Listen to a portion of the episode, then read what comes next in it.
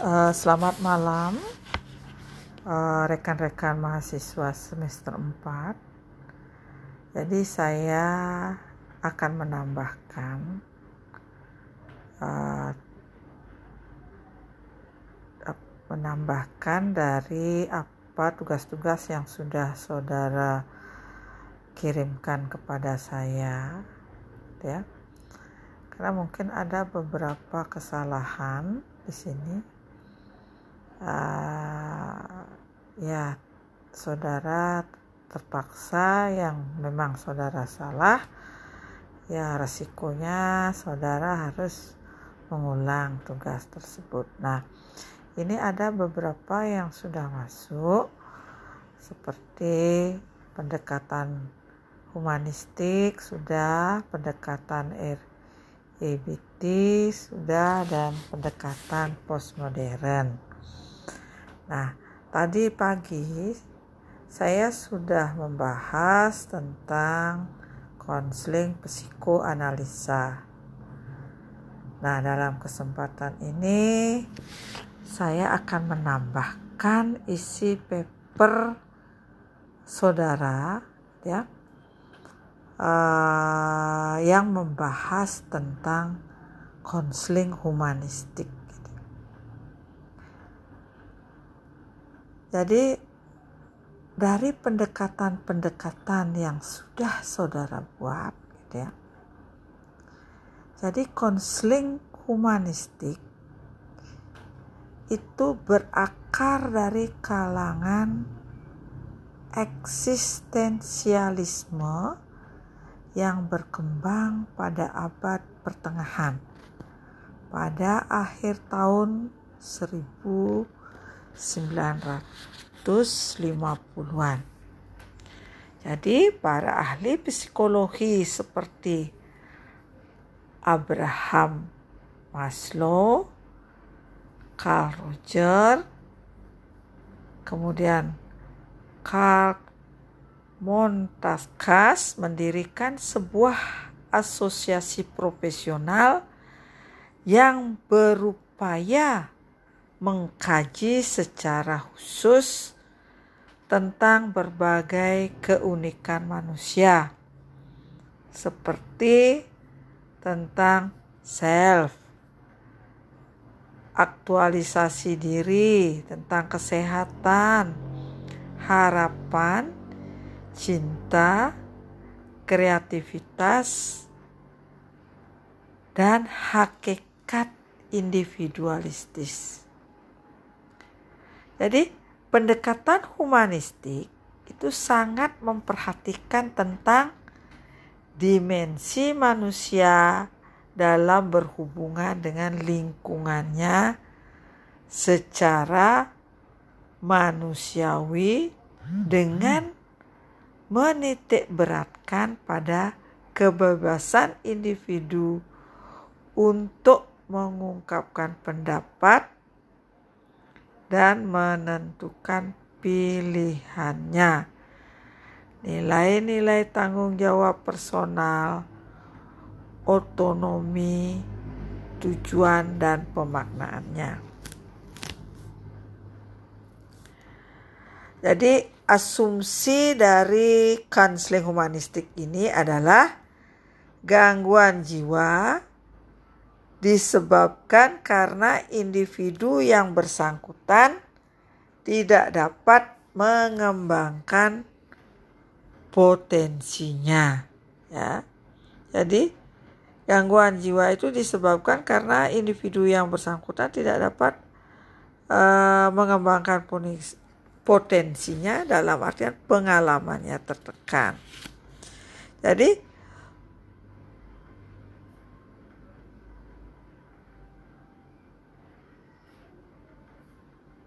tujuan konseling humanistik itu bertujuan untuk satu mengoptimalkan kesadaran individu dan keberadaannya dan menerima keadaannya menurut apa adanya. Misalnya saya adalah saya, ya. Kemudian yang kedua, memperbaiki dan mengubah sikap persepsi, cara berpikir, keyakinan, serta pandangan-pandangan individu yang unik. Yang tidak atau kurang sesuai dengan dirinya agar individu dapat mengembangkan diri dan meningkatkan self actualization seoptimal mungkin. Kemudian yang ketiga, menghilangkan hambatan-hambatan yang dirasakan dan dihayati oleh individu dalam proses aktualisasi diri. membantu individu dalam menemukan pilihan-pilihan bebas yang mungkin dapat dijangkau menurut kondisi dirinya. Nah, kira-kira sekarang bagaimana sih karakteristik daripada konseling uh, humanistik ini di dalam proses konselingnya? Jadi konseling humanistik memiliki karakteristik sebagai berikut. Yang pertama, ada hubungan yang akrab antara konselor dengan konseli. Adanya kebebasan secara penuh bagi individu untuk mengemukakan problem dan apa yang diinginkannya. Kemudian konselor berusaha sebaik mungkin menerima sikap dan keluhan serta perilaku individu dengan tanpa memberikan sanggahan. Untuk menghargai dan menghormati keadaan diri, diri individu dan keyakinan akan kemampuan individu merupakan kunci atau dasar yang paling menentukan dalam hubungan konseling.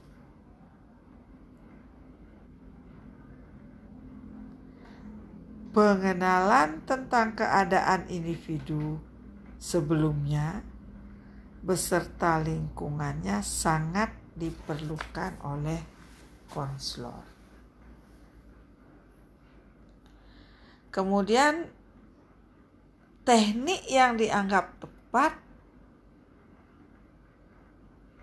untuk diterapkan dalam pendekatan ini yaitu teknik client center counseling. Sebagai dikembangkan oleh Carl Roger meliputi acceptance respect, understanding, reassurance, encouragement, ya.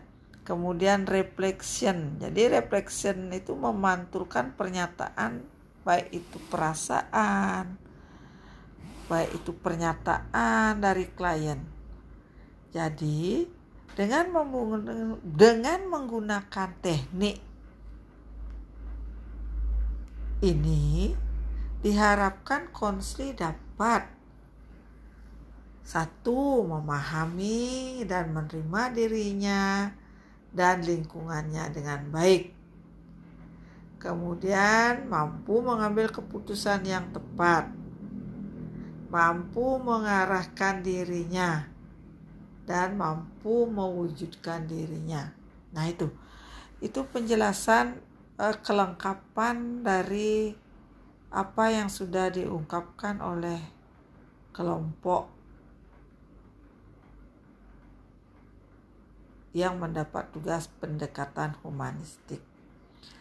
Nah, saudara-saudara, jadi untuk bahan UTS itu saudara tolong pelajari uh, atau simak kemudian saudara minta dikirimkan